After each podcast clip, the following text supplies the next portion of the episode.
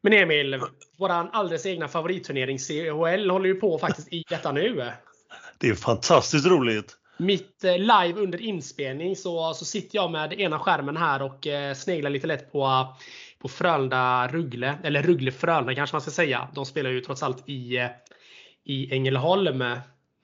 Uh, och det verkar vara gå troll i, uh, i Frölundas maskineri mot Rögle. Så jag hade väl ändå en bra känsla inför den här matchen. Men uh, just nu så drar ju Ryan Lash av alla spelare på sig en utvisning och det står 5-3 till Rögle. Så att, mm, hoppas att Frölunda repar sig till nästa match här nu.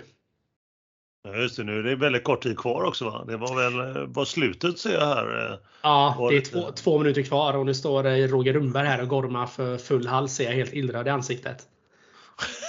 Vad är han för arg? Vad är han så arg på då? Oj, först får Ryan Lash en klubba i ansiktet ser det ut som. Och sen så får, håller Ryan Lash fast klubban på Rugglespelare så att det är väl en... Ja, jag vet inte riktigt vad han tar det för om jag ska vara helt ärlig. Släpper han den ena får han ju släppa den andra. Men det är väl som alltid i, i CHL, det är där känslorna kommer fram. Det är där det blir det lilla extra. Det är så fantastiskt. Det är det jag säger, alla borde älska CHL mer än vad man gör. Eller jag gör ju det och du gör det till, men alla borde älska CHL. Jag håller med Emil. Vi slår ett eh, starkt slag för CHL i, eh, i podden givetvis. Och jag ser verkligen fram emot också när vi får sitta på läktaren igen och kunna livesända från hockey, hockeyladorna. Det hade varit mäktigt. Det ser man fram emot nu än, än, än mer nu när eh, covid återigen verkar ta sitt grepp här.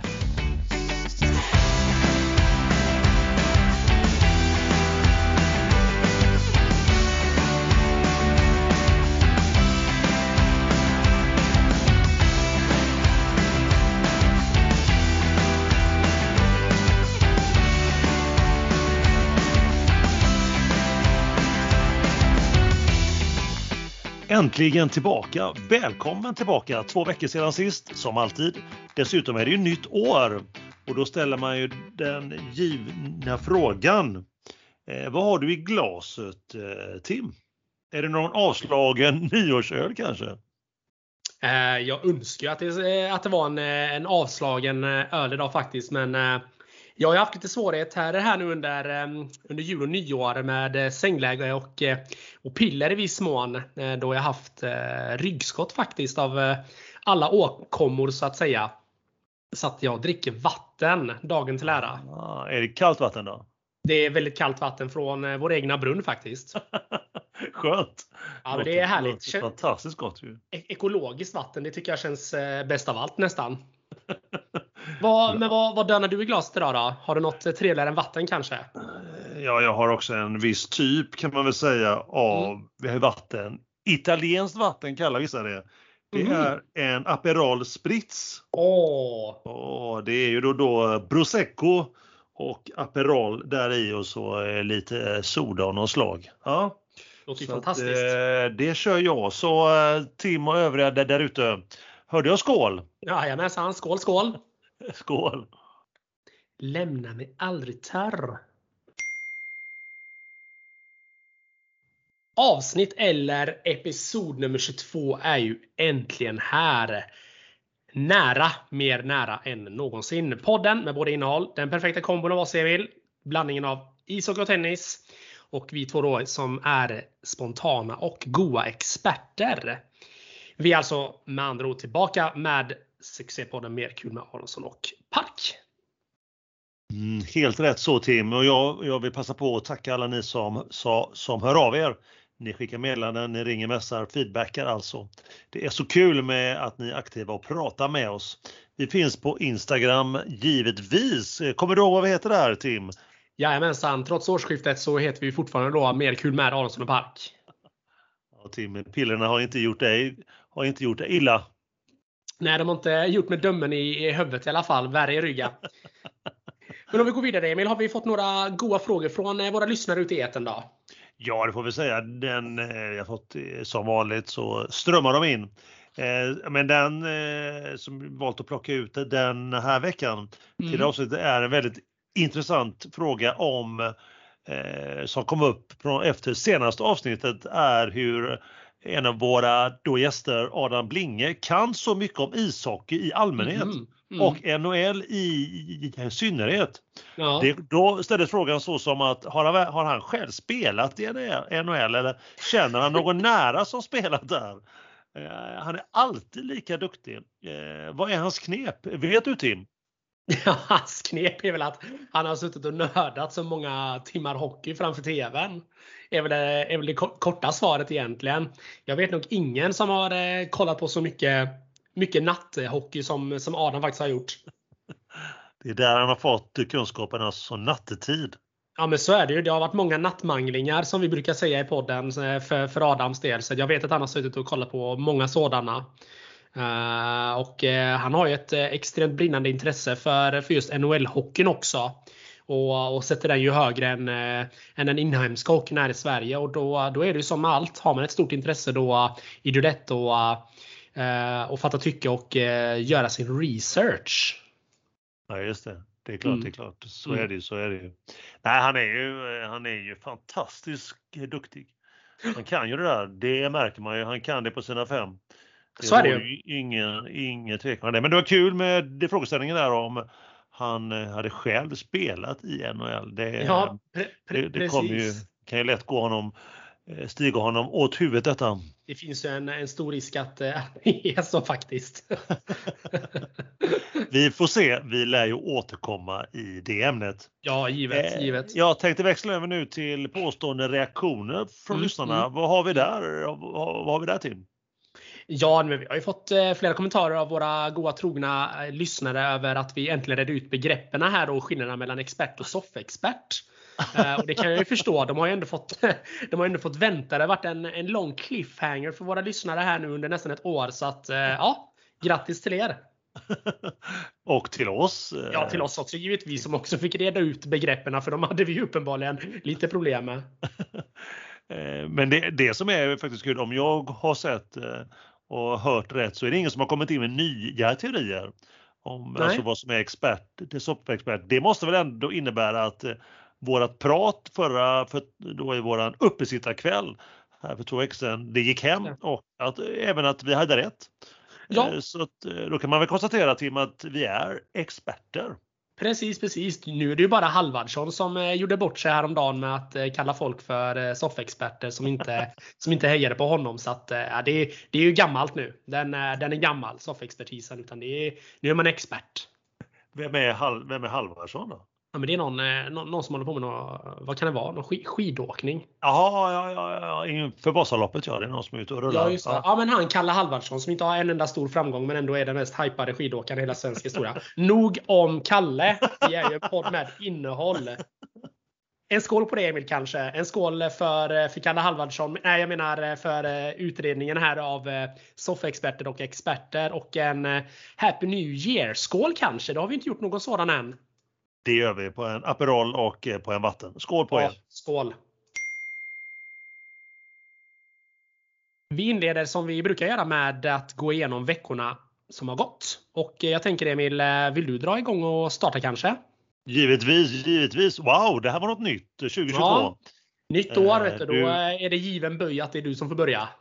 Du lyfter upp ämnet och du lämnar över snyggt så. Ja, ja eh, podden går in i en ny era märker jag helt klart så här på vårt andra år. Podden. Sa jag paden? Du sa paden. padden. Padden. Ja, härligt härligt. Men hur som helst så kör jag igång då med tennisen. Dra igång Emil. Take it away. Så här kommer de, vad som har hänt så här i början på året. Jo, Toren har äntligen rullat igång igen och vi är down under. Vi är med andra ord i Australien då, var annars någonstans. Eh, I lördags så inleddes, alltså på själva nyårsdagen, den 1 januari så inleddes eh, årets upplaga av ATP Cup. Det är ett arrangemang som har arrangerats eh, nu för tredje gången och i år då är enkom i Sydney, Sydney.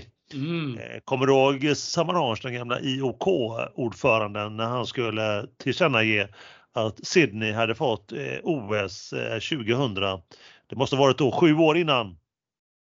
nej, han, vad, nej, det här har jag missat helt. Vad, vad sa han, han skulle läsa upp vilken stad som hade blivit i Sex Heckling, den, den här korrupta eh, hur de hade kommit fram till den här, den här Just Hur så säger han eh, eh, the Olympic Games go to Helt tyst så säger han, så öppnar han kuvertet och så står det och så läser han Sydney. Ja, så det är, är lite roligt. Han menar, eh, han menade då, han menade Sydney, givetvis i Australien och det är där då ATP Cup spelas i år. Eh, innan har det rullat mellan städerna Sydney då eller Sydney och Brisbane och Perth. Mm. Där finalspelet varit i Sydney. Eh, och det spelas givetvis på den klassiska hardcourten, den australiensiska blå hardcourten som man känner igen om man har tittat någonting på tennis just nu här i, i, i januari. Mm. Eh, upplägget genom åren har varit så att de 24 bäst rankade spelarna eh, och de länderna som de tillhör är kvalificerade för det här. Alltså den toppspelaren då eh, i de, eh, högst, de 24 högst rankade får ta med sig några kompisar men det utgår från de som är högst rankade och är det samma land då som har fler så går man ju ner då på, på rankingen. Eh, Men man måste ha då tre ATP, tre spelare som har ranking totalt för att komma med. Är du med på själva upplägget då? De har delat in det i sex grupper med fyra länder i varje grupp. Eh, 2000 vann, vann Serbien och i fjol då vann Ryssland. Men i år då på grund av covid så är man bara i Sydney eller Sydney eh, med 16 länder, fyra stycken grupper. Eh, Så upplägget i år och covid har ju satt sin lilla prägel på årets eh, turnering helt klart. Eh, som det gör även i det här fallet då att eh, flera spelare har inte åkt ännu. De väntar att åka, de väntade ett par veckor eller har väntat. Och Österrike som lag eh, med TM hoppade av och Frankrike kom med då istället. Mm. Och eh, vi har ingen Djokovic där, vi återkommer till honom, ingen Nadal heller. Han ställde inte upp, men vi har då ändå Medvedev, ryssarna alltså, Zverev är med som tredje rankad Tsitsipas. Fjärde Berrettini, italienarna är sjua, Rod åtta, norrmannen alltså och så vidare. Några stycken är med. Men Sverige är inte med. För bäste svensk på ranking är ju Mikael Ymer, våran rappare. Han eh, med plats 94. Så att där var inte han med. Eh, Men det blir lite konstigt då med tanke på att Georgien är med. Och de har ju sin första spelare, Vasilishvili. Han är rankad nummer 22 i världen, men han som han spelar med är Metreveli. Eh, en annan georgier och han är rankad 570 på rankingen så det blir lite konstigt ändå på något sätt. Eh, men vi ska inte vara bittra för att inte Sverige är med, absolut inte. Så eh, det lämnar vi själva upplägget och hur det går till med det och om Sverige är med eller inte med då. Lite kort om hur det har gått då. De har ju börjat då spela till lördag så alla, alla, alla, alla de fyra stycken grupperna har spelat två matcher var. I, I grupp A så har vi Spanien. Eh, De har vunnit sina två. Eh, Chile och Serbien ingår i den gruppen 1-1. De som har vunnit en alltså och förlorat en och Norge då är med där i, i den gruppen. Med Rud som jag nämnde innan. Eh, De har inte vunnit en match eh, hittills. Eh, och där ser det väl ut då som att Spanien går segrande ur, ur från grupp A, alltså Spanien till semi. Eh, spelas matcherna i natt då som kommer, eh, till, natten till onsdag eller natten till torsdag då. Eh, kommer matcherna spelas i, i dessa grupper. Men om Serbien vinner alla matcherna i natt utan att förlora ett enda set mot just Spanien så kommer de gå vidare, men det är väl inte troligt då. För Serbien spelar också ut med ett, eh, spelar lätt med ett lag som inte kanske hör hemma där riktigt. Men men, grupp B. Ryssland har 2-0 efter två matcher. Australien, Italien ingår där också 1-1 matcher och, och Frankrike har inte vunnit en match hittills. Och spännande är då i natt, så, eh, eller om det var i månad, så möter Italien Ryssland. Och det kan ju bli en fin match mellan, där möter Berrettini Medvedev. Den är ju en, det är en nyckelmatch där. Eh, Rublev är inte med utan Sinner ställs mot den helt okände Safiolin. Eh, rankad 167, kanske dubbel som avgör. Men säg så här då att Italien kanske vinner matcher, det är ju två singlar och en dubbel då. Med 2-1 säger vi, då hamnar de på samma matchvinster, 2-1 och samma antal matchvinster, 6-3. Då avgörs det alltså antal set eller antal game, så det är lite roligt. Att det kan bli så. Det är klart. Vi får se, vi får se där. Vi går vidare till grupp C. Mm. Eh, ska vi se, där har alla matchkvoten 1-1 faktiskt. USA, Storbritannien, Tyskland och Kanada. Lite olika, de har vunnit alltså en match och förlorat en. Men just match, hur många matcher har vunnit är lite varierande. Där har USA fyra matcher mot två stycken. Storbritannien och Tyskland ligger på 3-3 och Kanada 2-4. Mm. Och i natt då, eller imorgon, så möts eh, eh Storbritannien mot USA. Evans mot Isner och Forey, eh, eller Norrie mot, mot Fritz. Och där kanske dubben avgör där också. Mm. Eh, så det är spännande där. Argentina, eller nu går vi över till grupp D. Argentina eh, har ju då, eh, och Polen har vunnit båda sina matcher och då har Grekland och Georgien då som jag nämnde eh, förlorat båda sina matcher. Så där avgör faktiskt matchen just mellan Argentina och Polen. Så, och den eh, kan bli eh, lite jämnt. Eh, vi får se. Ja, där kanske också dubben avgör då hur det blir. Hur jag tippar då, det är ju sjukt intressant, spännande kan jag tänka mig för alla inblandade. Så även du då Tim. Ja, jag tycker det är stort av dig att du vågar tippa, men det är ju din starka sida i, ja. i podden. Det är ju inte min.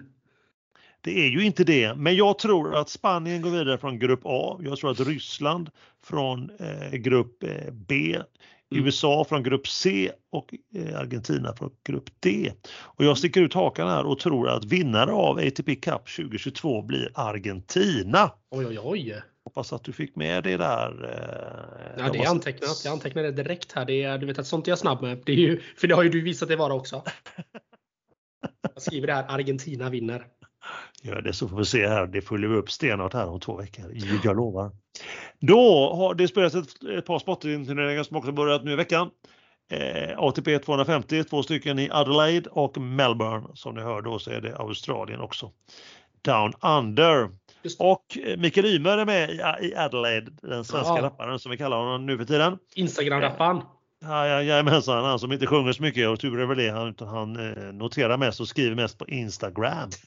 Han vann i morse sin i första omgången, första turneringen, första omgången, första matchen för året mot fransosen Bonzi. Eller mm. Bonzi. Jag vet inte uttalet där får jag öva på. Han är 64 rankad i alla fall i världen. Nu möter han, han vann i två raka set, 7-5, 7-5 och eh, i natt faktiskt, natten som kommer så möter han Nishioko, Nishioka från Sydkorea, 81 rankad. Ah. Toppsidan här är Monfils och andra sidan är Kashanov. Så att, eh, och i dubbeln så ser vi en svensk, André Göransson spelar där. Han spelar faktiskt med en israelien, israelien som heter Jonathan Erlich. Han är mm. rankad 64 i världen och är 44 år ung. Oj, 44? Eh, ja, 44 år. För, eh, för 13 år sedan var han topp 5 i världen efter att ha vunnit eh, bland annat Australian Open 2008. Wow! Men mer om hur det går i den turneringen. Så även i, i Melbourne då, även det 85, ATP 250. Ja. Toppsida där, där är Nadal och andra sidor är Opelka från USA. Mm. Och inom kort då så, in, så inleds också då Australian Open. Och eh, idag fick vi reda på att världsettan Novak Djokovic eh, denna suspekta man kommer till spel. Han Jaha. har av någon, oklart än så länge i alla fall, fått ett så kallat undantag. Eh, för han, ryktet säger ju, och han har ju varit tydlig med det, att han ska inte vaccinera sig. Han tycker det verkar ju inte så som man gör. Och det innebär då att i Australien kan man inte åka in i om man inte är vaccinerad. Men någon har då utfärdat ett undantag för just världsettan att han ska kunna komma till spel i Australien. Eh, jag kan väl säga så mycket, jag vet inte vad du känner för detta Tim, men jag känner ju att eh, för tennisens skull så mår man ju illa över detta konstiga beteende. Det känns Från... jätte, jättekonstigt tycker jag. Ja, men vadå, vad, vadå, om, man, om Australien har gått ut med liksom tydliga lagar och regler att man inte kan resa in i landet utan ett vaccinationsbevis eller då att man har vaccinerat sig. Varför ska, varför ska Novak Djokovic få vara undantaget? Han är ju världsetta Tim. Nej, jag, har, jag, jag håller med om att det är jätte, jättekonstigt. Ja, den är Ot jättekonstig. Otroligt konstigt och gör ju mm. gör i alla fall min uppfattning om eh, världsettan mm. än mer skruvad, även om det kanske inte just är han, men han har väl legat på kanske. Eh, eller hans team har väl legat på kanske och eh, fått till den här då dealen med om det är Australian Open eller om det är eh, australiensiska, mm, de som styr och ställer i landet, vad vet jag. Men mer lär ju komma i den här infekterade storyn. Det låter jättekonstigt. Ja. Tim vill jag återkomma till detta om. Ja, säkerligen. Men Tim, eh, jag var nöjd så med min eh, veckorna mm. som gått. Jag lämnar då med varm hand över till dig. Vad har du i, i, i hockeyns värld? Ja, nej, men eh, snyggt genomgång till att börja med Emil gällande tennisen här och eh, ja, man blir lite lätt provocerad gällande Djokovic där tycker jag när eh, vissa bara glider räkmacka. Men, eh, men så kan det vara. Jag har däremot en del att säga om hockeyn. Och eh, vad tror du att jag tänker börja Emil? Jag tänker, eh, du och Adam sist diskuterade ju så att ni nästan börjar gråta av tillfredsställelse. Eh, junior-VM, så att jag tror att du börjar där. Ja, vi talar oss väldigt varma om, eh, om eh, junior-VM helt klart. Det var, det var ju med, med glimrande och tindrande ögon vi pratar upp denna fantastiska turnering. Och det är ju så att junior-VM drog ju faktiskt igång Eh, men eh, lades eh, sedan, eller stängdes helt enkelt ner för, för året efter bara några, några fåtal matcher spelare. då. Och anledningen till det var ju egentligen att fyra spelare hade testats positivt för covid. Men de går ju ut, de officiella uppgifterna säger ju att man hade domare. Det var många domare som hade blivit testade positivt för covid och då kan man inte slutföra turneringen på grund av att man inte har några domare. Så givetvis, även denna gången Emil, så var allt domarnas fel. Nej, ännu en gång, ännu en, en gång. Ännu en gång, precis, precis. Men man undrar lite grann vad som hände och varför det blev så här. Och eh, jag tycker väl att ett ord som, eh, som bara är det första ordet jag tänker på när jag tänker på junior-VM. Det är katastrof. Eh, och jag skulle vilja börja med att säga att jag tycker hela tillvägagångssättet som man har hanterat detta från internationella hockeyförbundet är under all kritik. Eh, jag tänker också att man först ställde in tjejernas junior-VM utan att sätta in ett ersättningsdatum. Trots detta så skulle prompt killarnas junior-VM spelas och då i Kanada som kanske är det hårdaste landet i världen när det kommer till coronarestriktioner. Och det blir jättekonstigt i mina, mina ögon och det sticker i mina ögon verkligen när ishockeyförbundet gör på det här sättet. Ehm, tjejernas VM skulle dessutom ha spelats i Sverige, i Mjölby. Av alla stora städer liksom. Så att jag förstår inte. Jag förstår inte riktigt hur de motiverade dels att först ställa in det och sen låta killarna spela och sen bara ta död på hela junior-VMet. Men hur som helst. Jag pratade i senaste eh, avsnittet om att man skulle spela i en bubbla likt man gjorde förra året. Men icke. Tydligen så hölls det bröllop och annat på hotellet. Eh, vilket eh, inte alls ger det sken som man, eh, som man haft innan om att man har tagit bubblan på ett speciellt stort ansvar. Och på det stora ansvar man borde ha gjort. Eh, eller stora allvar som man borde ha gjort. Eh, och jag tycker nu också att om man känner till Kanadas eh, hårda regler och restriktioner så kanske man borde ha satsat lite hårdare på en bubbla eller alternativt flytta kalaset till någon annan stad. Eller till ett annat land, säg USA. Det ligger ju liksom grannar i princip. Jag är inte alls, eh, inte alls eh, tveksam överhuvudtaget att USA inte hade tagit emot det. Det hade de säkerligen gjort.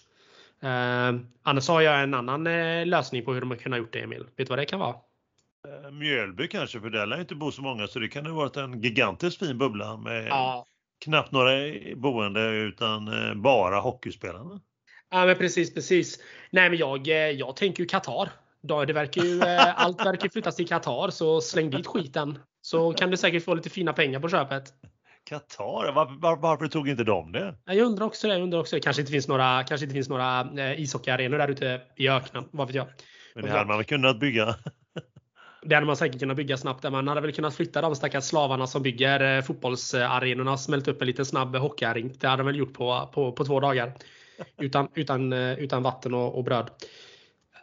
Nog om, eh, nog om eh, hockey-VM känner jag. Jag blir som du hör lite lätt provocerad kring detta. Jag tycker att det här var ett rejält fiasko. Jag, jag går vidare och Gör det. Gör det. Ska, ska mig ja. junior hockey-VM 2022-2023 istället i julklapp.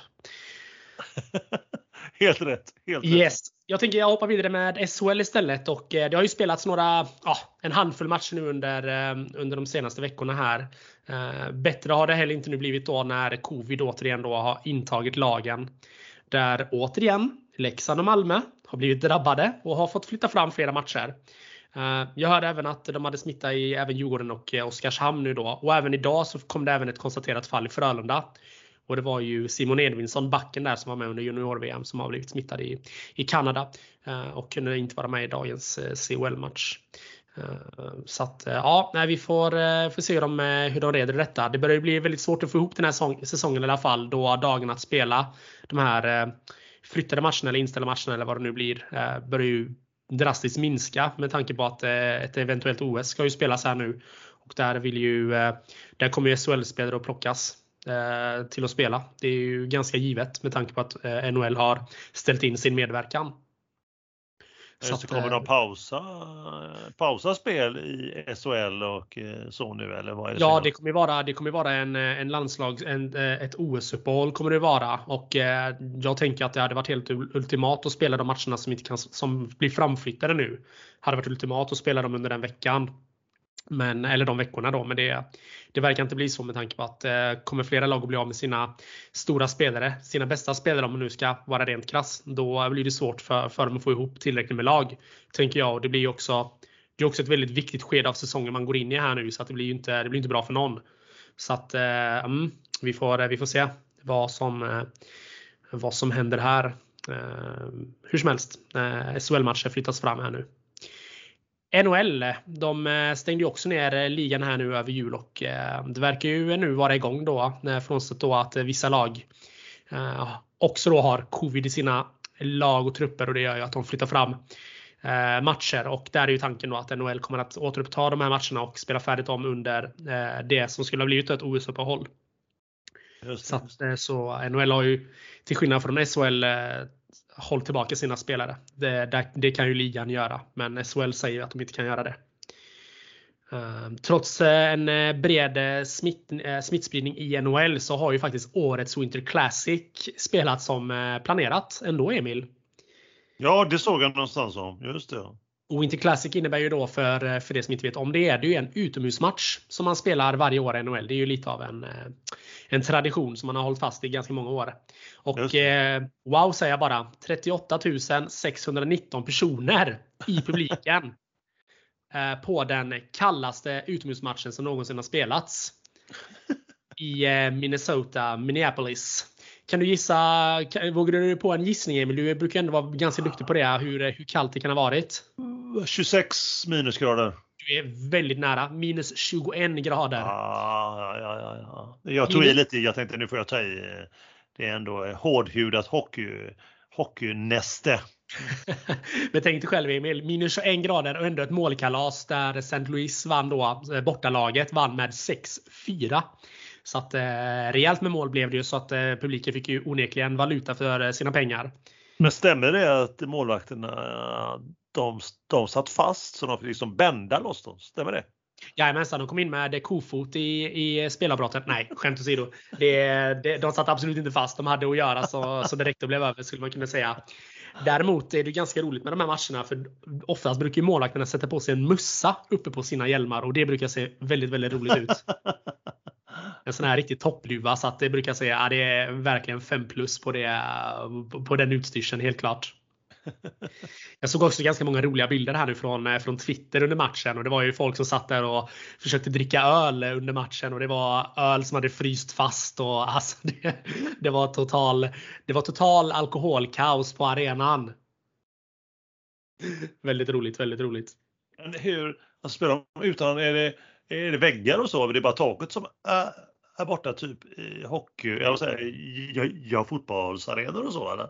Eller, eller, eh, du, tänker, du, tänk, du tänker förändras nästa utomhusmatch, det är att de lyfter Skandinaviums tak. Nej men alltså, men många fotbollsarenor menar jag. De har ju, ja, de har ju, ju även tennisarenor finns ju runt ja, ja, ja. Där man Nej. skjuter, där man kan köra taket fram och tillbaka. Det är så jag menar. Ja, ja, ja. Nej, de spelar faktiskt oftast på jag vet det, um, baseballplaner. Ja. Eller baseballarenor heter det. Baseballplaner, herregud. Och denna gången så var det då Target Field i, eh, i Minnesota som man spelade. Ja. Så, att, eh, så att det, det, det, brukar oftast vara på eh, på, på sådana arenor. Det brukar vara ganska bra för det finns inget tak eller någonting att ta hänsyn till där. Utan baseballplaner är ju väldigt, eller arenor eller vad man nu kallar det inom baseball är ju oftast ganska, ganska vidöppna. Just det, just det. Man vill ju inte ha en boll i ansiktet liksom. Nej, det är, du har en poäng. Så är det kanske. Så är det kanske. Annars så är nog den eh, största enskilda händelsen som jag hämtar från, eh, från de här två veckorna en, eh, en liten solskenshistoria Emil som jag tänker att jag vill dela med mig av. Ja, gärna. Och det var ju faktiskt under, tidigare under den här säsongen då eh, mellan vårt eh, hårdsatsande Seattle Krakens.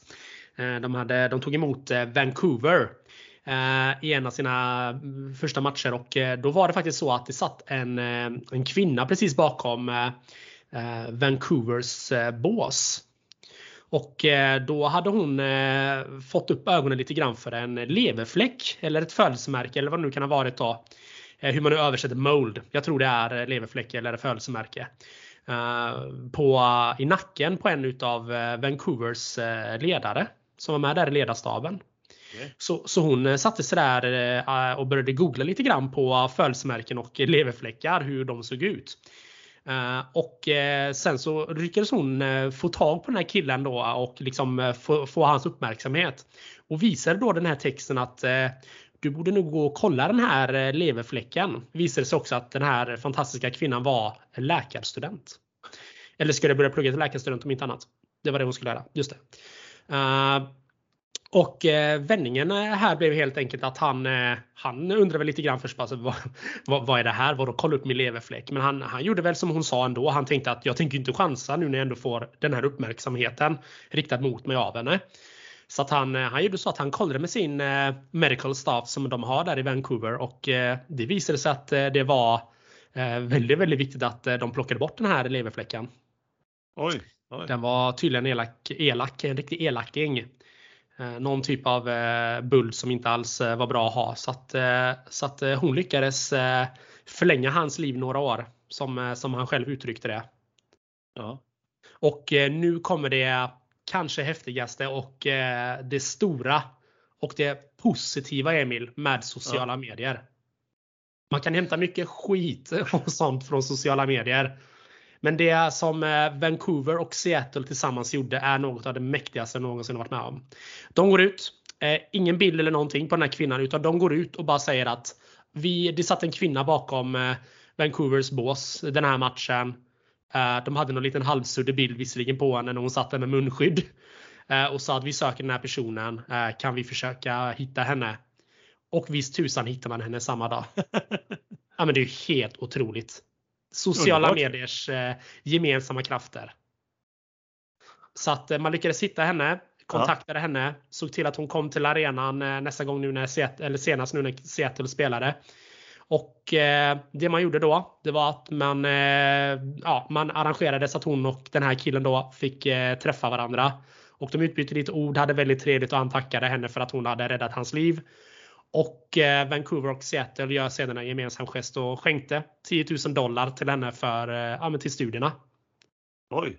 Det är ett otroligt, eh, en otroligt fin solskenshistoria tycker jag. Ja, som, verkligen, verkligen. som livar upp lite under dessa tuffa, dystra tider med, med covid som nu återigen då börjar ta sin spridning. Så att nej, det var någonting som jag kände att det var väldigt, väldigt fint och viktigt att ta upp.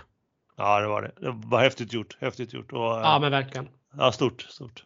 Mm. När du började, började diskutera och säga att du skulle till en solskenshistoria där så började jag spåna på att ska han prata om Leif Leffen eh, Borken Bork nu eller kanske? Det är bara solsken. Kan det vara mer om Qatar nu kanske?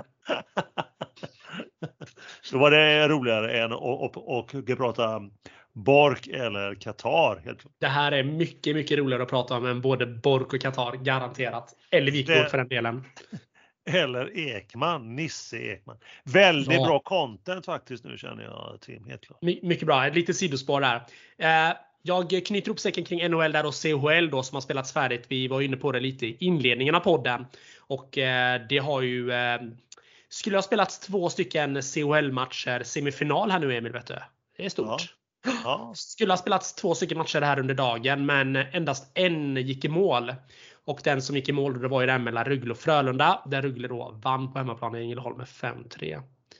Ted Brithén gjorde hattrick. Kul för honom. Uh, någonting att fundera på för Frölunda hur man ska punkta honom nästa match. Men sen var det då Tappara mot Red Bull München. Älsk, älskar dessa sponsrade lag. uh, uh, som faktiskt inte kom till spel överhuvudtaget då. I och med att det har varit både ja, utbredd smitta i båda lagen, vilket har gjort att man har fått ställa in den matchen. Nästa match som är tanken att de ska spela är ju nu nästa vecka, den 11. Men vi får se lite grann hur de gör där. Vad jag läste här nu förut innan vi började spela in var det att CHL inte hade några planer eller inte några utlåtanden kring hur de skulle ta vidare den här matchen överhuvudtaget utan de ska sätta sig i styrelsemöte och ta de besluten. Och man vet ju aldrig vad som händer när de sätter sig och, och spånar vidare. Skulle man ju kunna säga.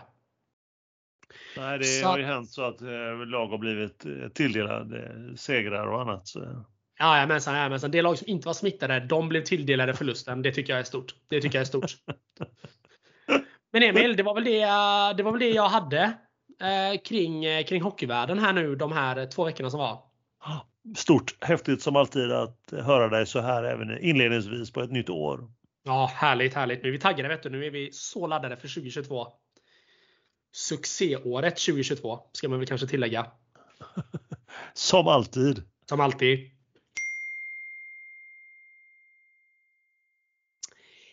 Vi rullar vidare och ett av förra årets favoritämnen eh, var ju inte mindre än veckans lärdom. Eh, kommer ni ihåg det där ute? Om inte så var det ju då det ämnet där vi ställde varandra eller ger varandra tre frågor om vår sport som vi då är expert i. Och som vi ska svara så djupgående som vi bara kan. Och jag tänker att Emil, du får börja denna gången och ställa några frågor till mig kanske. Det är fantastiskt! Mm. Eh, häftigt att vara tillbaka på spåret och häftigt att vara tillbaka i veckans lärdom. Ja, denna, eh, denna episka, detta episka ämne. Det är det. Nu har jag hashtag gåshud. Mm. Jag tänker så här, jag tar stafettpinnen rakt av eller klubban då, hockeyklubban och kör. Ja, ja skjut pucken på mig. Någonting som jag har funderat på länge, länge, länge. Det är så godtyckligt det här är min uppfattning. Mm. Jag, ser på, jag ser på hockey ibland och nu det sista året har det blivit mer än någonsin. Mm. Och eh, som alla vet så brinner jag mycket för eh, CHL. Ja, och då delas det ut eh, eh, poäng för målgörare och, och, och assist. Mm -hmm. mål, det förstår jag ju, det, det får väl bara den som gör mål, det är väl den som får poäng. Men mm. assist, där verkar det vara eh, totalt eh, alltså godtycklighetens eh, fader. Ibland får en det, ibland får tre, i, i, ibland känns det som halva, halva hockeyladan. Alltså, po, alltså poäng från eh, några som sitter på läktaren, ni som sitter på, sektion D som är David, rad 12, stol nummer 14, 15 och 16. Ni ja. får en assist. Ja, så eh, det jag vill veta nu eh, Tim, det är alltså, hur går det till med poäng när någon eller när man gör mål? Precis som du säger, de bara slänger ut bara. De bara lottar, drar tombolan och bara skickar ut eh, poäng åt höger och vänster. Nej, det är ju så här, precis som du säger Emil, så är det ju alltid, eh, det kan ju aldrig vara fler än en målskytt. Så målskytten får ju alltid poäng. Sen kan det vara lite svårt ibland att reda ut vem det är som har gjort mål. För det kan ju vara så att eh, pucken har styrt sig lite lurigt. Men eh, jag har då aldrig sett att två målskyttar har blivit tilldömda ett mål. Utan man, man får ju liksom, någonstans får man ju dra en gräns.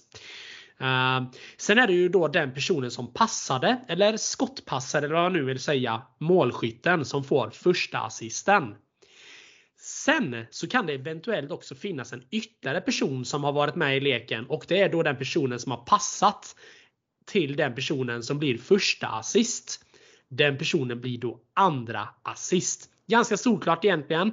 Men det gäller ju då också att domarna har koll där ute. Och det är väl lite det jag tänker Emil, kanske du tycker det kan vara lite godtyckligt ibland. Eh, när det blir styrningar och någon träffar en skridsko. och Det, alltså det är ju väldigt svårt ibland. Det går ju väldigt fort där ute.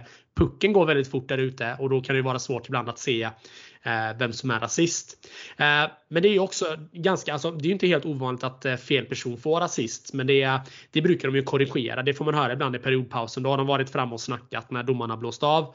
Att nej, nej, nej, men det var ju den här spelaren som passade den spelaren och då, då ändrar de assist ibland.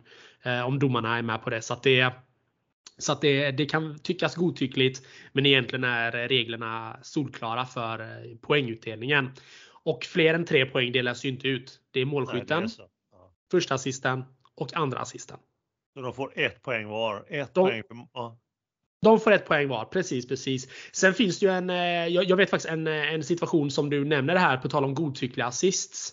Och det var ju då i NHL för några år sedan där man gav storstjärnan Sidney Crosby en andra assist på ett mål. Eh, vilket gjorde att han drygade ut sin poängskörd just den säsongen. Problemet var ju bara att han var ju inte ens på isen när det här målet gjordes. Så att, eh, så att det kan verkligen bli helt tokigt ibland, precis som du säger. Det kan kännas godtyckligt ibland. Men eh, ibland är det ju svårt att se vem det är. Eh, men Sidney Crosby har fått en poäng och då var han inte ens på isen. Det brukar de skoja om ibland i NHL att, eh, att det var en Crosby assist säger de ibland. Det är lite roligt. Men det verkar ju vara pajas även där. Så som i eh, tennisen när man skickar Djokovic till Australien. Ja, Exakt samma eh, sak tycker jag. Exakt samma sak tycker jag. En Han- poäng och Djokovic till Australien utan vaccinpass. Underbart, då hade jag lite fel när man räknade upp att assist går till Larsson, von, von Carlén, Bengtsson, eh, Ekman. Och personen på sektion D, rad 12, plats 14. Och vi ser där att här sitter ingen in, han är ute i baren. Så vi har lottat nu, det är sektion B som är Bertil. Ja. Ja, nej, men det, var, det var härligt att höra, det var fantastiskt. Eh, eh, jag känner mig jag är klokare i alla fall eh, Mm. hur det ligger till nu. Mm, en, jag har ett par frågor till om du är redo. Ja, ja, men kör på, kör på. Ta det som du brukar säga på uppstuds här på volley. Ja, ja, ja. Eh, jag är väldigt eh, spänd på att höra lite grann om eh, ägandet inom svensk hockey. Alltså Mm. då menar jag, alltså, ägs klubbarna som aktiebolag? Är det som stiftelse, handelsbolag, kommanditbolag? Är det till privatägda? Är det eh, på någon en- en- en suspekt ö någonstans ute i världen? Eh, och hur ser det ut egentligen både i, ja, i SHL och kanske ner i ligorna? Mm, mm. Vet du, har du, har du koll på detta Tim? Jag hade inte riktigt koll på detta. Jag, jag har ju fått göra min research här lite grann kring detta och det är ju inte helt lätt att få fram hur strukturerna ser ut i, i våra lag i varken Hockeyallsvenskan eller SHL. Men av det jag kan döma och jag har ju, jag har ju nu fått gå in här Emil och kolla på nyckeltal och, och ta reda på var kommer pengarna ifrån. Är det Liechtenstein eller Qatar? Jag vet inte. Så att jag har fått sitta här och göra min research ordentligt. Men det jag får fram i alla fall, det är att de flesta lagen fortsätter ju då, eller har ju samma struktur som den eh, typiska svenska modellen. Att man har en, eh, en ideell förening som, eh, som som styr och ställer skulle man kunna säga. En ideell förening med, som följer Riksidrottsförbundets regler. Och riktlinjer för den delen också. Sen kan den föreningen ha flera, eh, flera liksom grenar nedåt. Där man bland annat då kan skapa bolag. Till exempel arenabolag. Eller övriga bolag där man kanske har eh, ah, Ja vad kan det vara? Ja, men till exempel Färjestad, de har ju Färjestads Fastighets AB och det är de som äger och förvaltar are- arenan eh, I Färjestads namn. Så att det är liksom där man hittar pengarna om man skulle kunna säga så. Det är ju i de bolagen som ligger utanför moderföreningen. Okej. Så att moderföreningen agerar som en moderförening och har olika dotterbolag. Eh, är det jag har eh, kunnat eh, lä- läsa till mig här nu och försöka skapa förståelse i. Eh, så att, så det, det, är den det är den uppfattningen jag har fått här nu av, av frågan. Eh, du nämnde ju lite grann här innan podden inspelades in att du ville fråga mig om just aktiebolag och klubbarna här så att jag var lite förberedd men det är en svår fråga. Och jag är inte helt hundra på hur strukturerna ser ut överallt. Så är det någon där ute som har koll, hör gärna av er till podden så får vi reda upp det i så fall. Ja, kul att höra ändå. Eh, när det är så svårt att ta reda på också, att man inte liksom, att det inte finns någonstans där man bara kan läsa att det här och det här, så här äger Färjestad, så här är det med Modo, så Nej, här men är det ett Västervik. Ja, i, Nej men exakt. Nej, men exakt. Nej, jag gick faktiskt in på, det finns en eh, fantastisk sida som heter allabolag.se. Och där kan man ju få upp bolag genom att söka på organisationsnummer och sådana här grejer. Och eh, när jag gick in på SHL-klubbarna och jag, tog- jag tog några slump, eh, slumpvalda bara. Då kunde jag ju se att ingen av dem var registrerade som aktiebolag utan det finns aktiebolag i förgreningar nedåt i verksamheten skulle man kunna säga. Det Som, luktar som skatteplanering. Det luktar skatteplanering. Men, eh, men Ja, så var du som sa det. Var du som sa Ja, det. ja, ja. Så, så känns det. Ingen skål på den i alla fall. Men eh, vi går vidare med min tredje fråga. Mm, mm. Eh, och sista, sen så ska du få luta dig tillbaka och ta en stor klunk vatten från egen brunn. Men eh, över till kronor och ören Tim. Mm. Vet jag att du, eh, du brinner ju för det. Och mm. du, inne, du, inne, du brinner också mycket för, att, för löner och annat och då kommer frågan spontant. Eh, vet du om det finns, eller hur är det i, i, egentligen likt NHL med lönetak och sådär? Finns det i SHL? Eller, och om det inte finns, vet du om är det rykten, är det planering på det eller hur är upplägget egentligen? Ja, alltså just i själva Alltså det är ju inte riktigt den svenska modellen att till att börja med prata om lön överhuvudtaget.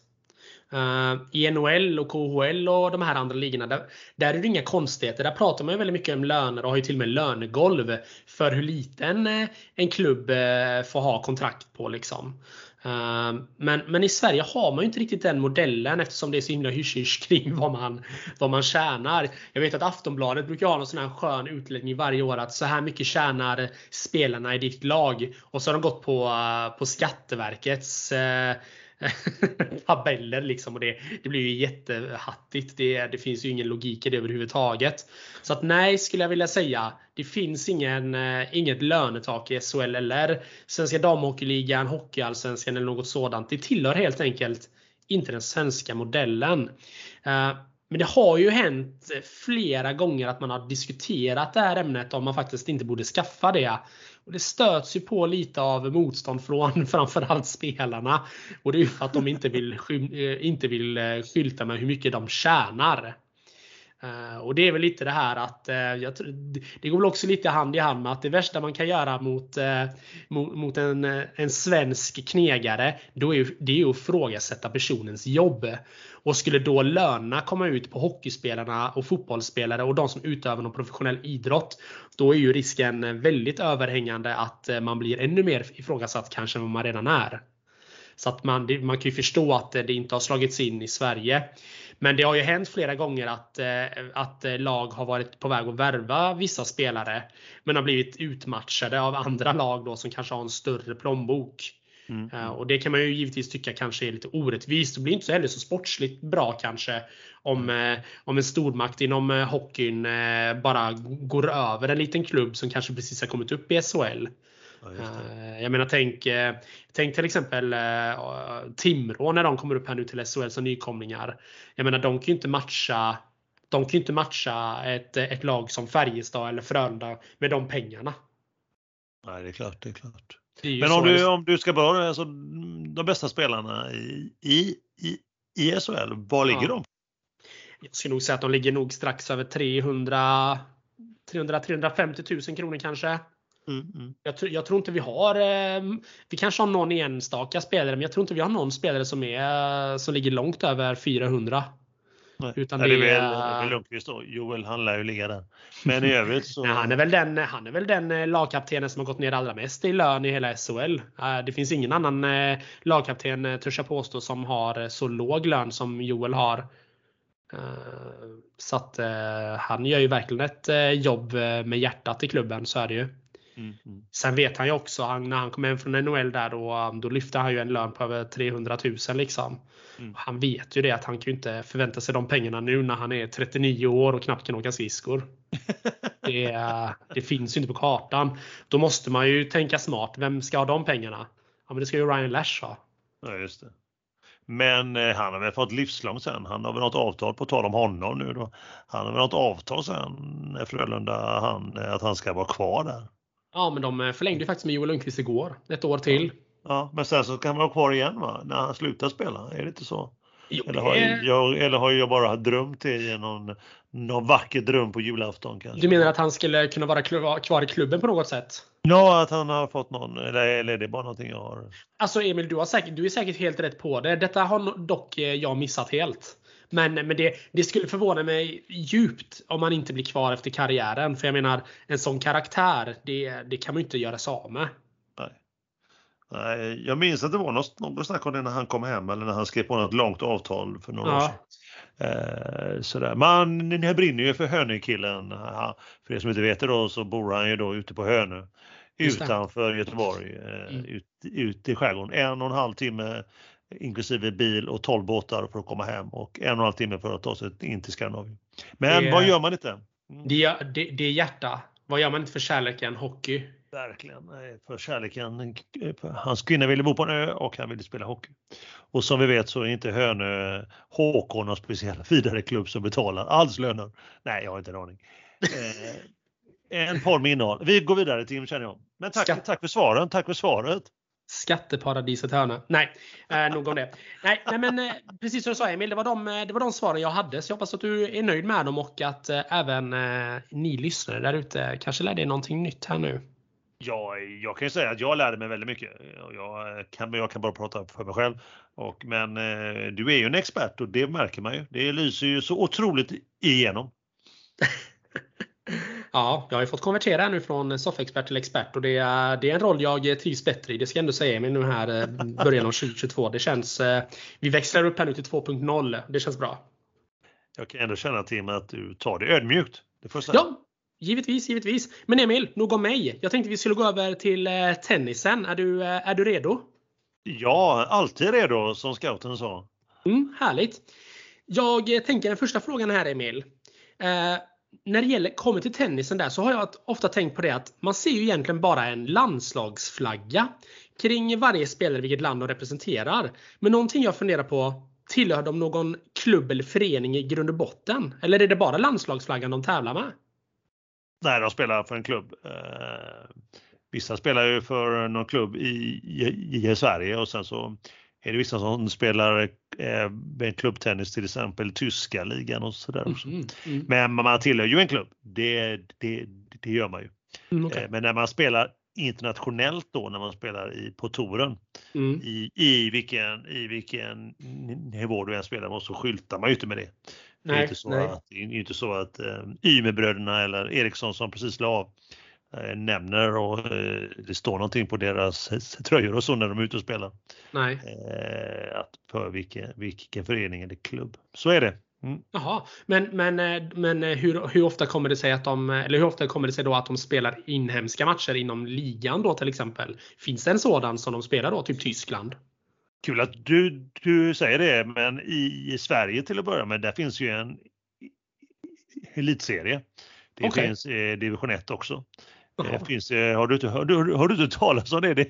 Det avgjordes ju precis här veckorna, alltså veckan, månaden innan jul så avgjordes ju elitserien och division 1. Både för damer och herrar. Nej, jag är helt blank Emil. Det här är jag som ett blankt blad. Tim, vet inte, Tim, vet inte vilket lag som vann? Nej. Är svenska mästare i tennis, både för, för herrar och damer. Du har inte en aning? Ingen aning. Djurgården? Du är nära faktiskt när det gäller damerna. Då vann ja. ju ett lag som heter Enskede LTK. Alltså då Enskede kommer de ifrån, inte så långt ifrån Stockholm. Nej. De försvarade titeln faktiskt med vinst mm. över Fair Play. Eh, Fair Play från Malmö då, Skåne. De, och Fair Play gjorde sin tolfte raka final. vänta, vänta nu, heter laget Fair Play? Exakt, visst är det iskallt. och då på tal om det, vet, vet ni vilka som vann elitserien blev svenska mästare på herrsidan. Nej, fair play. Fair play TK från Malmö. Jajamensan, det var 14 ja. raka finalen för fair play. Eh, kommer du ihåg Andreas Vinciguerra, den gamle storspelaren? Eh, det, gör, det, gör, det gör jag faktiskt. Liten kort ettrig sak, ursäkta språket. Men han eh, var ju tongivande i många, många år i ja. Fair. Men eh, de vann i alla fall över Solna TK. Mm. Så nu har du och alla andra stenkoll på att det finns en elitserie och, eh, och vilka som vann då här i år, eller förra året menar jag. Häftigt. Svenska mästare. Jag, eh, veckan som gått när vi tog upp det här på vår upp, uppesittarkväll så hade, jag, mm. så hade jag en tanke först att jag skulle ta upp det, vilka det var. Det är ju det som hade hänt de sista veckorna då. Mm. Eh, sista veckan, veckorna när vi liksom hade den senaste inspelningen här för ett par veckor sedan. När, när Men nej, jag, det, jag, jag, det segmentet. Jag, jag jobbat det är ingen som vill veta det. Vi vill hellre höra på Anders Bergqvist och Adam Blinge. och så kommer jag här två veckor efter och har ingen aning om att det ens existerar. Men nu vet du! Nu vet kommer jag. Du aldrig glömma vilka som Nej, det kommer jag absolut inte göra. Men det, det går faktiskt diskussioner nu. Det var en ganska het potatis, mm eller het puck som du brukar säga Tim, eh, i tennis, tenniskretsar i alla fall. Så är det mm att i år var det, har varit nu att an, andelen svenska alltså eh, svenska eh, med passet från Sverige mm. eh, som spelar i i elitserien, både damer och herrar, att det blir färre och färre. Så, Mhm. eh, och då, det gör att eh, man tar in eh, andra spelare utifrån. Danskar, tyskar, polacker, you name it. Och det gör ju att, att juniorerna inte kan komma upp. Så det Jaha. har först nu vissa diskussioner att man ska ha ett maxantal på utländska spelare som, i, som får spela då varje match. Så det, det får vi se, men det lär vi återkomma till i den här podden med innehåll. Ja, givetvis. Säkerligen. Säkerligen. Bra, jag tänker jag hoppar vidare här till eh, fråga, fråga två. Om du eh, känner dig eh, redo kring den frågan också. Ja, ja, otroligt. någon, det, det är lite roligt hur den här frågan kom till. Jag satt och, och kollade på hockey och så tänkte jag så här, nej men rackarns, hur kan det se ut här? Och det jag pratade då Emil är ju givetvis racket som, som spelarna använder sig utav. Och det jag funderar lite på det är ju det här det är ju kring nätet eller vad, vad det nu eh, kallas inom tennis. Vad, det, vad, vad är det gjort av? Och kan man ha olika inställningar på sitt racket? Som skulle kunna utmanövrera motståndare till exempel. Kan man slå hårdare, lösare? Vad, vad är grejen med racket? Mm, ja, spännande, spännande. Jag har inte, jag har inte diskuterat faktiskt. Eh, eh, du ställde frågan till mig och jag bara, ja, då, då inser jag att vi har pratat extremt lite om racket. Ja men? Eh, här kan man verkligen eh, nörda ner sig. Åh, Ni kan kul. bara tänka Sånt- er hur många experter eller soffexperter det finns i eh, det här ämnet runt om i, i världen. Eh, Men eh, jag ska dra en liten kort redogörelse för det här kan man hålla på i ett specialavsnitt. Eller specialavsnitt över ett år. 21 Mm. avsnitt om racket. Nej. Kul! Eh, Men jag ska höra lite, jag har ju också då kollat upp detta och så att säga nördat ner mig än mer. Mm. Och vi då kallar det det som du kallar nätet då på eh, som håller i handen. Det kallas ju, det är ju senor med andra ord träffytan. Okej. Eh, förr i tiden, eh, i alla fall från början när tennisen eh, då, då slog igenom så var dessa här scenerna gjorda av inget mindre än fårtarmar. Eh, Sen kom någon genialisk pojke eller flicka på från eh, 90 1940-talet Mm. att det är mycket, mycket bättre och eh, använda kotarmar. De var mer tåliga. Eh, men det gick till så att vid tillverkningen så renades tarmarna och efter att det har torkats, tvinnats och polerats täcktes det av en skyddande polyesterskikt. Eh, skikt. eller polyuretanskikt, nu vad det är för någonting. Men det har ju hänt lite grann sedan dess till vi ska, vi ska ta oss till nutid. Ja. Idag föredras faktiskt det syntetiskt framställda strängar. Det tillverkas mestadels av nylon och även polyester och kevlar. Eh, Kevlar är ju ett material som är fem gånger starkare än stål i samma vikt. Så det är ju då Mm. Mm. eh, och hållfastheten och att de inte förstörs av fukt är ju den stora fördelen om du jämför till exempel med ett får eller kotarmarna. Och det finns olika tjocklek på dem eller grovleken. Den är mellan 0,6 till 1,8 millimeter tjocka. Vanligtvis ligger de mellan 1 till 1,5 millimeter. millimeter. Mm. Eh, inställningen som du sa i frågan kallar vi för att strängas sitt racket. Och här kommer ännu en vetenskap att nörda ner sig i. Ännu Kul. mer kanske. Den Herregud, ständiga frågan. vad har jag ställt för fråga egentligen känner jag nu. Hör nu här, hör nu här.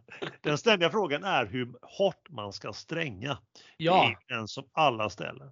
Egentligen spännkraften i att stränga. I vanligaste fallen är den mellan 245 till 265 Newton per sträng. Vilket motsvarar cirka 25 till 27 kilo pond förkortas KP. Som i sin tur ger en hårdhet av 25 till 27 kilo.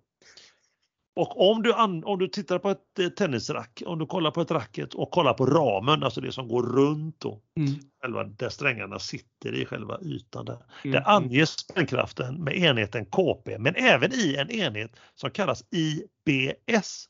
Och det då står för International Avoided Poise Point Force. Ja, titta nu vad du lär dig. Du kan titta på ett tennisrack när du ser Ja, det. det, här är helt galet. liggande Alltså. på vinden. Mm. Ja, Ja. galet. Och- Då för att få lite mer eh, kött på, på fötterna eller göra en skön slice eller smash, kalla vad du vill, så är strängarnas huvudsakliga uppgift i första hand att motta bollens rörelseenergi vid själva träffen och att återföra så mycket som möjligt av denna till bollen givetvis, var annars, vid återstudsen för att åstadkomma en effektiv bollretur. Vet du vad en annan viktig funktion som ni har? Jo, det är att vid träffen åstadkomma skruv, alltså spinn av bollen genom att låta denna vid träffen rulla lite grann över strängbädden. Det gör man genom att vinkla alltså racketen lite grann. Mm -hmm. Nivån på återförandet av bollenergin beror på strängarnas elasticitet och hårdheten återigen i strängningen. Wow. Ja, jag kan fortsätta hur länge som helst. Jag hör detta. Det finns mycket som helst att berätta. Eh, för er som vill veta mer då och Tim om du vill veta mer så kan ni bara skicka ett meddelande på Instagram så kommer det ännu mer. Men en sak till vill jag faktiskt gå in på vilket är också en ständig fråga. Hur hårt strängar då spelarna och varför? Mm. Nu kanske kommer något nytt för dig, men tumregeln är att ju lösare strängningen är, desto mer energi konverseras i strängarna och återförs. Det innebär desto hårdare bollretur kan åstadkommas. Just det. Men skillnaden är ju marginell, framförallt då för de flesta tennisspelarna runt om då i världen. Man brukar säga att lös strängat är mellan 16 och 21 kilo, medel är 22-25 kilo och hårt strängat är 26 till, till 30 kilogram. Oj, oj, oj, ursäkta mig, nu nördade jag ner mig ännu mer. Eh, och vi har pratat om honom innan, det är ju Djokovic, han har 26 kilo, säger ryktet, det här vet man ju inte, det här är inga officiella Nej. officiella siffror som de ut. Medan Federer har en väldigt lös strängning, han ligger på ungefär 21 och Nadal ligger på 24,9 enligt ryktet. Wow. Mm. Och du vill säkert veta vad den svenska rapparen Mikael Ymer har för strängning? Ja, du, du, du har redan överträffat mina förväntningar. Jag tänkte säga, jag tänkte ställa en motfråga. Vet du vad någon spelare har? Och här bara rabblar du upp hur många som helst. Jag vet, det är bara rykten, det är ingen som lämnar ut det här. Det är ju jättehemliga uppgifter. Ja, det är klart, det är klart. Men på tal om Mikael Ymer då, eh, den svenska Instagram-rapparen, så nej, jag har inte en aning. Det finns inget att få tag på hur, eh, vad han har för strängning. Nej. Givetvis. Det, det var eh, vad jag hade om så att säga nätet som du slår över bollen med. Just det, vilken utläggning Emil! Ja, jag ska väl erkänna här Tim, lik du fick erkänna när det gäller ägandeformer och så inom, inom hockeyn, att jag fick läsa på lite. Jag tycker det är spännande att se på racketar och sådär. Det har jag också jag har alltid varit, varit fascinerad, alltså på Borgs tid innan dess så var det mm. ju, ju träracket. Ja, mycket, mycket, mycket mindre yta också där du, där du hade träff ja. eh, möjlighet. Nu är den ju mycket större och finns ju regler också hur stor, eh, hur stor racketen vara. Alltså i eh, storlek och sådär. Det finns ju, eh, finns ju mycket regler runt racketen mm. givetvis. Du kan ju inte komma in med världens största. På, på, samma sätt som jag antar att det finns hårda regler när det gäller eh, hur en hockeyklubba får vara uppbyggd och vilken vinkel på bladet och annat. Nej men precis och som sagt den här frågan uppkom ju faktiskt på grund av att det var en gammal god hockeyspelare som spelade med en felaktig vinkel och blev utvisad. Och då avgjordes Stanley Cup-finalen. Så att eh, det, det var lite där jag filade på det att undrar hur det är i tennisvärlden. För det är ju inte någonting som jag har suttit och funderat på. Undrar hur hårt strängat man får ha ett rack. Nej. Eh, till Nej, exempel. Ja. Undrar hur, Ja precis. Men undrar hur många kilo eh, Novak Djokovic har på sina strängar när han slår sönder sina racket. Kanske är till nästa avsnitt.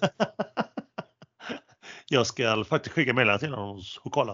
Ja, men gör det, gör det. Kan vi hoppas att han svarar för en gångs skull och inte håller på med sina divalatfasoner. Två, två stycken frågor till eh, Novak. Vad är undantaget för att du fick Vem beslutade om undantaget så att du fick ja. komma in? Hur i, gjorde du? I Australien och två, hur hårt strängare rack har du? Speciellt framförallt de du slår sönder. Två helt legitima frågor.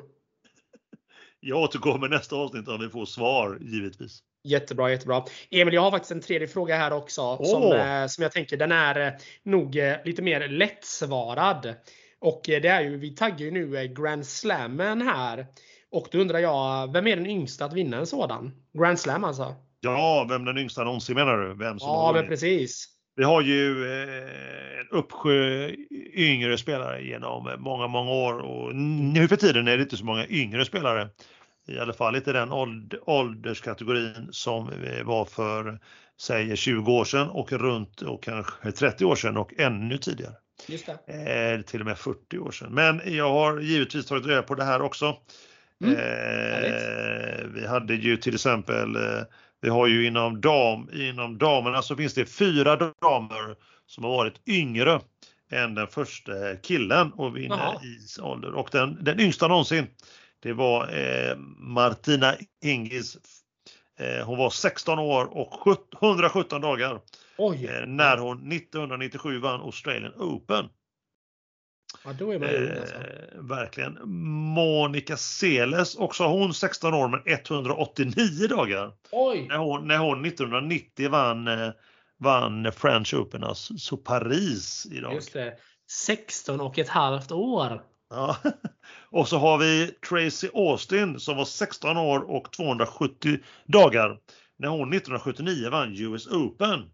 Det är ju otroligt in, in, alltså imponerande att vinna de här grejerna när man är så ung. Ja, verkligen, verkligen. Det är 16-åringen vi har. Sen har vi en 17-åring som var 17 år och 75 dagar. Maria Sharapova, när hon ah, 2004, ja, ja. 2004 vann Wimbledon. Och sen på plats nummer 5 så har vi den första herren Michael Chang som när han var 17 år och 110 dagar 1989 vann i Paris. Oj. Ja, och sen rullar det på. Vi har Boris Becker. Mm. När han 1985 vann Wimbledon så var han, var han 17 år och han var, han var drygt 17 och ett halvt år. Han var 17 år och 228 dagar och sen kommer förste svensk. Oj! Mats Villander, 17 ja. år och 293 dagar när han 1982 eh, vann i Paris. Oj, oj, oj. Serena Williams var 17 år och 350 dagar när hon vann 99 i US Open. Eh, och sen är du säkerligen intresserad av hur gammal Björn Borg var när han jag, vann. Jag, jag trodde faktiskt att det var Björn Borg du skulle säga där, inte, inte Villander. Men eh, vad, vad var Borgen då? Borg var 1974 när han vann i Paris så var han 18 år och 10 dagar. Ja, ja, ja. Björn Borg, jag trodde du skulle säga Leo Borg. Nej, jag skojar. Nej, men, eh, Sen är vi säkert intresserade också av Rafael, hur ung han var 2005 när han vann i Paris. Då var han 19 år och 2 dagar. Och eh, Djokovic då, han fick vänta till, eh, till faktiskt han var inte mindre än 20 år, 8 månader och 5 dagar när han 2008 vann i Australian Open. Det året utan undantag. Glöm inte det. Oj, oj, oj, ja, det är stort. Det är stort. Ja, det, det är häftigt. Stefan Edberg då, har du tänkt på honom någonting på sistone då? Nej, det här var ett namn jag inte kände igen alls.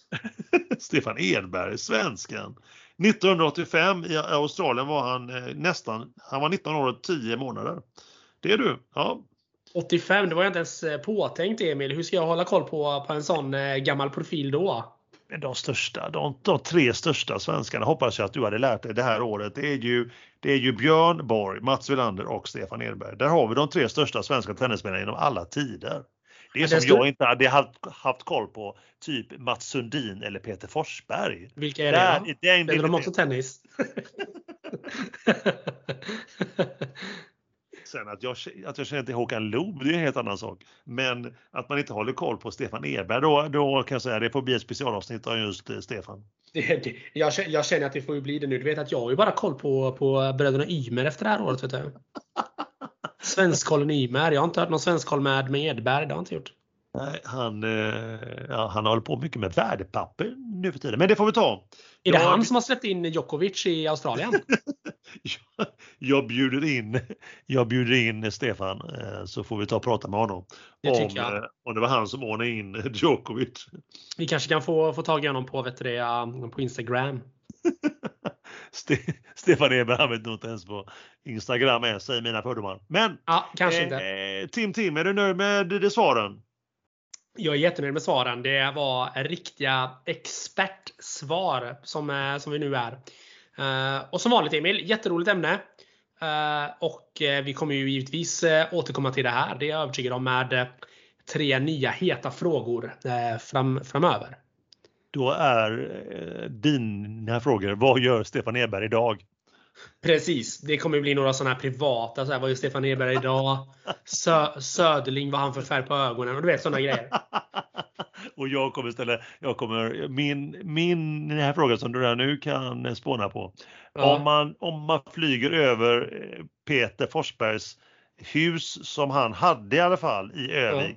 Ja. Så var det, det formas som en tvåa och en etta. Stämmer det eller var det bara en skröna? Den frågan ja. kommer jag ställa till Ja, men jag går, in på, jag går in på Google Earth direkt och kollar. Tänk, tänk det är den som köpte det huset också av Peter. Han bara, här är en konstig böj på det här vardagsrummet du. Ja, du vet, det är, det är översta delen av en tvåa förstår du. Väldigt skarp så. Ja. ja, tur ändå att han inte hade någon åtta i sin eh, i, sin, i sitt nummer när han spelade. Mm. Eller hur, eller hur. Men nog om eh, Stefan Edberg och Peter Forsberg. Vi lär ju prata om dem många, många gånger här under året.